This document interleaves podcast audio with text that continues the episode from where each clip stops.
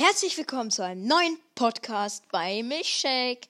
Heute habe ich mir wieder ein paar Sachen aufgeschrieben, äh, die ich mit äh, hier besprechen will. Also, ja, ich mache mir immer eine Liste, nur dass ihr Bescheid wisst. Und, ähm, also, apropos, ähm, einfach so, das habe ich jetzt hier nicht auf meiner Liste. Äh, hier vor mir stehen richtig schöne Blumen. Äh, das sind so Tulpen, die sind mega schön.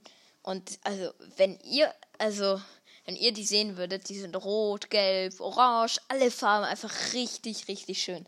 Aber das interessiert euch, glaube ich, jetzt nicht. Aber wisst ihr, was richtig Wucher ist? Damals habe ich mal Blumen für meine Mutter gekauft. Äh, und die haben einfach 9 Euro gekostet für ein paar wenig Blumen, die nach zwei Tagen verwelkt sind. Und da habe ich ziemlich viel Kohle nur für so etwas äh, hier verbraucht. Und das war ja, sehr teuer. Und ich darf leider, ich will auch nicht sagen, von welcher Marke das ist, äh, weil nachher kauft dann da keiner mehr und dann heißt es, nee, Milchshake hat es hier gesagt, sein Kanal wird gesperrt und das wollen wir doch alle nicht, glaube ich. Ähm, äh, ich kämpfe in letzter Zeit so um Haustier.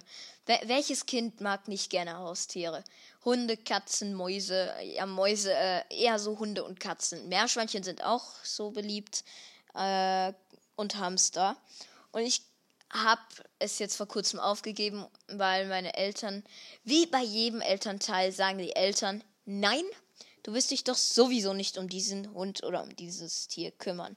Und das finde ich so, da, da sieht man dann so, wie die Eltern kein Vertrauen in dich haben. Ich verstehe es, weil meine Mutter hatte damals, äh, hat einen Bruder, der äh, damals einen Hund hatte, äh, sich immer am Anfang richtig um den gekümmert hat, unbedingt einen wollte und dann ähm, so nach, ich glaube, eine Woche hat sie erzählt, äh, hatte er dann keine Lust mehr und dann hing es an ihr und an ihrem Vater, äh, dass dann sich um den Hund zu kümmern und da verstehe ich es dann auch so, ja okay, die will keinen Hund, das verstehe ich vollkommen.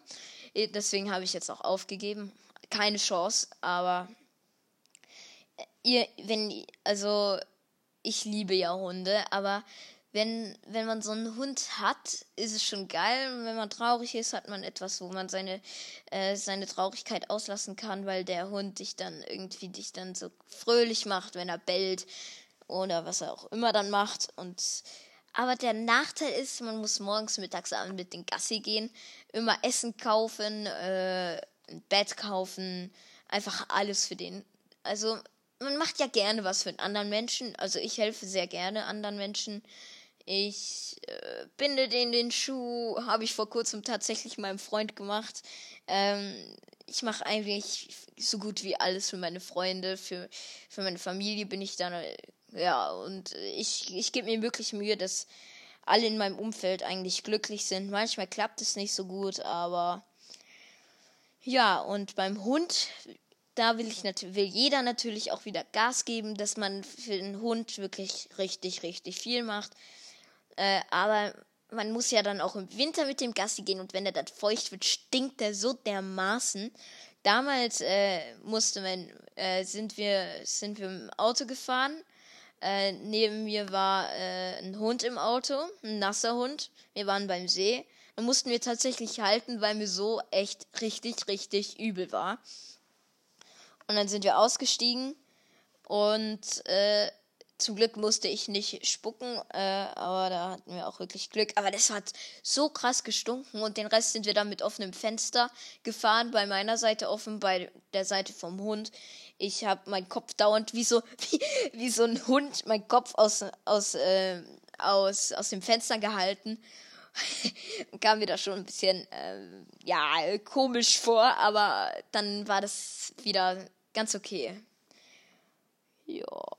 Davor waren wir halt bei Mc's. Wer kennt's nicht? McDonald's. McDonald's. Ja. Die Liebe von jedem, von jedem Teen, Teenager, von jedem, von jedem Kind. Aber jeder weiß auch, ungesund. Die Eltern wollen nicht, dass man hinfährt. Aber dann irgendwann ge geben sie dann auch nach und gehen dann auch schon mal zu McDonald's mit ihren Kindern. Und ja, das ist lustig. Aber McDonalds, da ist so viel Fett. Aber ich, ich esse ja selbst auch sehr gerne McDonalds. Äh, aber irgendwie manchmal habe ich dann so McDonald's, dass ich das äh, den ganzen Tag dann esse, den ganzen Rest des Tages. Und aber McDonald's schmeckt richtig gut, aber das ist auch nur ganz selten. Eigentlich, eigentlich schmeckt McDonald's äh, immer äh, einwandfrei gut und macht halt nur dick. Aber wenn man Sport macht, dann kann man sich auch McDonald's gönnen. Also finde ich. Und jeder hat eine andere Meinung. Spaß. Irgendwann, ich werde es mir jetzt abgewöhnen, dass ich sowas nicht sage, weil ihr versteht das, dass jeder eine andere Meinung hat und es brauche ich ja nicht öfters jetzt noch sagen, weil das sagte ich ja schon in meinen letzten Folgen, in meinen letzten beiden Folgen 10.000 Mal. Äh, ah ja, genau. Auch wenn wir jetzt nur sechs Minuten hier fast haben, möchte ich euch noch eine Serie empfehlen. Und zwar Jurassic World.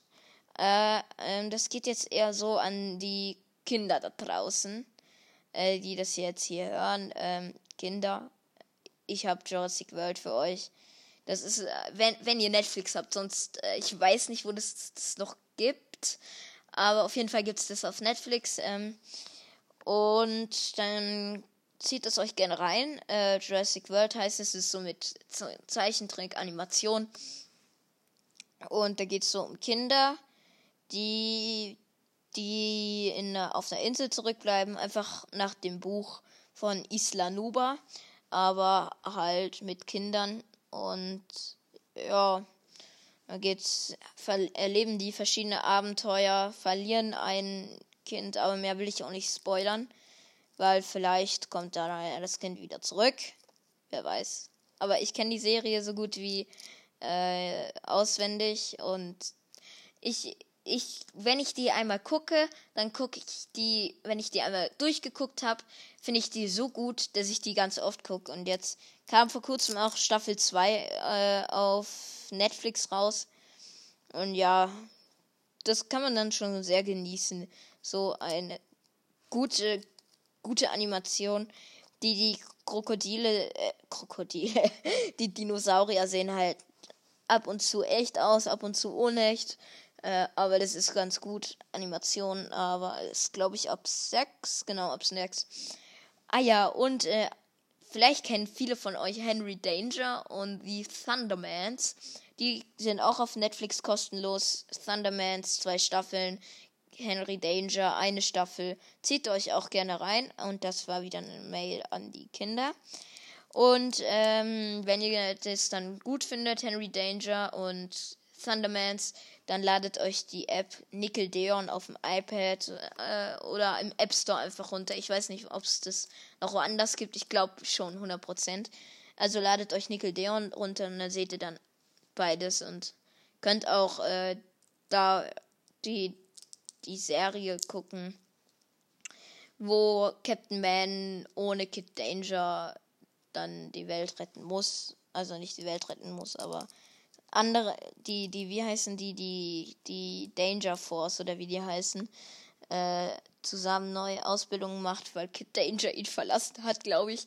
Ich, ich kenne, also das kenne ich tatsächlich nicht. Ich kenne nur die Danger Force, aber warum, warum Captain Man, äh, warum Kid Danger jetzt aufgehört hat, bei Captain Man zu, Captain Man zu helfen, verstehe ich nicht, aber ich, das habe ich auch noch nicht geguckt.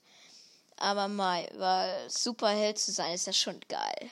Weil man braucht gar nicht. Äh, bei Henry Danger finde ich, da braucht man auch kein Geld, weil da kann man einfach irgendwo hindrücken und dann kommt da, was wollen Sie essen? Und dann kann man sagen, was man essen will und dann kommt das. Also, wenn ich diese Chance hätte, so etwas zu bekommen, würde ich da alles Geld der Welt ausgeben, weil dann muss ich irgendwann gar kein Geld mehr ausgeben. Und das war's dann schon wieder von meiner Seite aus. Ich hoffe, ich habe euch den Tag wieder schön gemacht. Zum zweiten Mal mit dem zweiten Podcast. Und dann bis zum nächsten Mal. Und. Ah ja, genau. YouTube möchte ich euch noch empfehlen. Gebt da gerne Nick Ed und Crazy Fu ein. Vielen Dank und tschüss.